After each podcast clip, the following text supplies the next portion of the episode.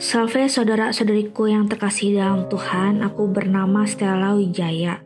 Kebetulan aku membuat renungan audionya ini hari Sabtu dan aku teringat dengan hari Sabat yaitu hari Sabtu hari ketujuh menurut orang Yahudi.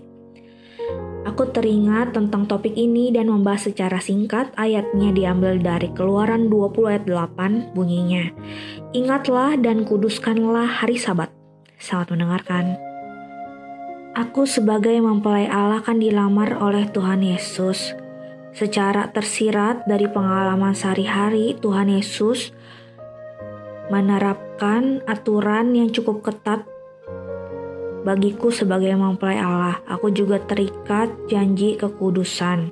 Di antaranya ialah mempraktikkan hari sabat yaitu hari Sabtu hari ketujuh. Mengapa dibilang begitu? Kita lihat di Keluaran 20 ayat 9. Enam hari lamanya engkau akan bekerja dan melakukan segala pekerjaanmu. Ayat 10. Tetapi hari ketujuh adalah hari sabat Tuhan Allahmu. Maka jangan melakukan suatu pekerjaan engkau atau anakmu laki-laki atau anakmu perempuan atau hambamu laki-laki atau hambamu perempuan atau hewanmu atau orang asing yang di tempat kediamanmu. Ya, seperti itu. Jadi aku pun mikir-mikir lagi bahwa intinya dari hari Sabat adalah hari istirahat, yaitu tidak melakukan pekerjaan yang berat dan juga tidak memikirkan pikiran yang berat, jadi termasuk berpikir pun yang ringan-ringan.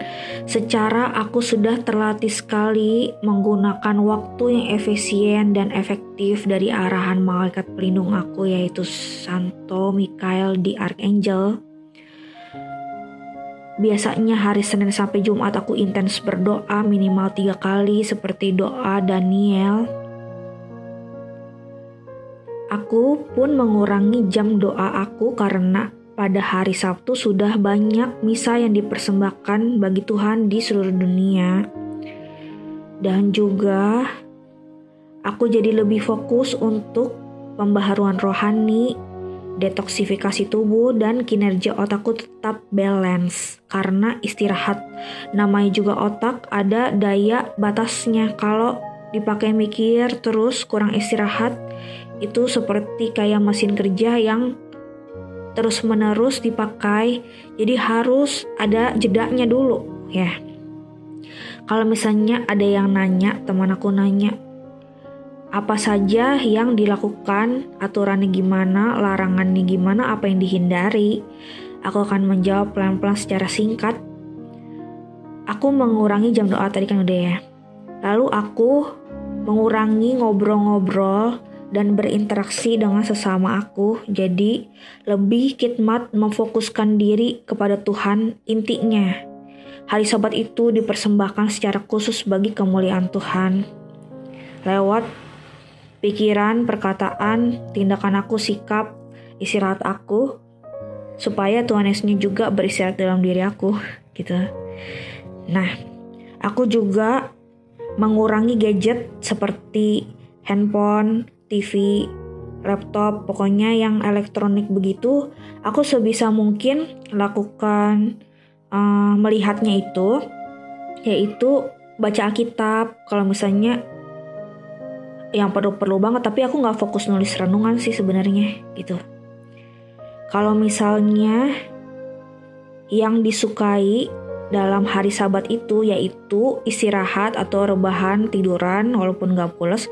Kalau misalnya pulas pun lebih disukai tetapi tidur jam dan durasinya dalam porsi yang pas.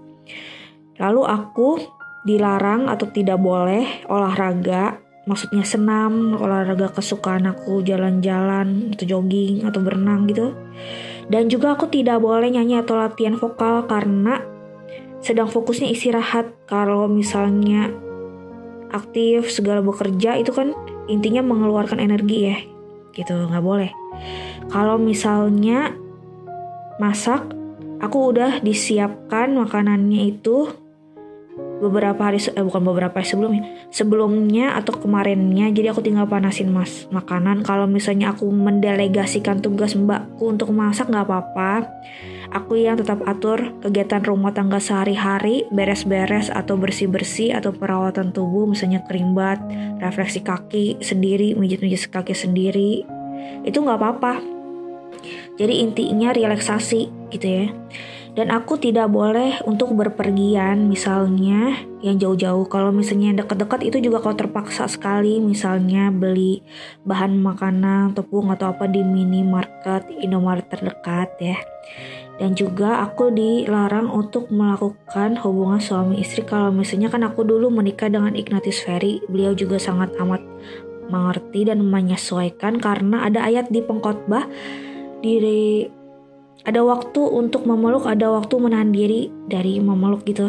Nah, ini adalah aturan yang khas walaupun tidak ditetapkan secara langsung oleh gereja Katolik tetapi aku sangat merasakan manfaatnya karena ini konten segala umur aku tidak akan terlalu membahas ke sini.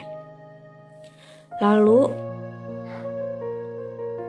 yang Tuhan Yesus mau dari kepada aku kan misa sorenya itu untuk menarik jiwa-jiwa di api penyucian. Jadi setelah aku menyelesaikan hari sabat malamnya itu satu hari penuh ya.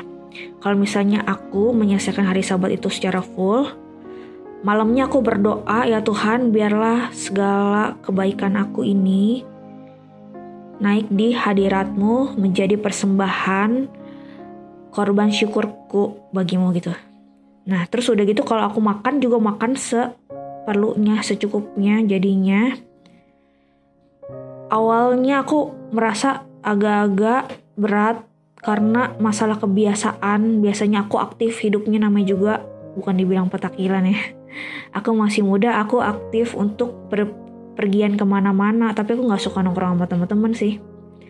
Tapi aku suka kebebasan aku orang yang tipe cenderung go freedom kudus gitu kebebasan yang terkendali misalnya belanja belanja kan biasa kalau hari Sabtu lagi sempet jalan-jalan ya sama Koperi tapi ini aku jadi menyesuaikan diri untuk Koperinya juga menyesuaikan diri juga dengan aturan tersini aku udah bilang secara baik-baik itu terus ayat ke-11 keluaran 20 ayat 11 sebab enam hari lamanya Tuhan menjadikan langit dan bumi laut dan segala isinya, dan ia berhenti pada hari ke-7. Itulah sebabnya Tuhan memberkati hari Sabat dan menguduskannya. Jadi kalau misalnya aku menjadikan Tuhan sebagai mempelai, aku yang tidak kudus, mendekati yang kudus, harus menjadi kudus juga. Aku menguduskan diri di hari Sabat. Ketika Tuhan menciptakan dunia dan segala isinya di kitab kejadian Tuhan Allah juga beristirahat kan nah itu jadi terinspirasi dari situ juga hari sabatnya demikianlah renungan aku semoga berkenan di hati kita dan juga kita semakin mempersembahkan hari-hari kita ini untuk kebenaran dan semoga kita semakin berkenan di hadapan Tuhan. Amin.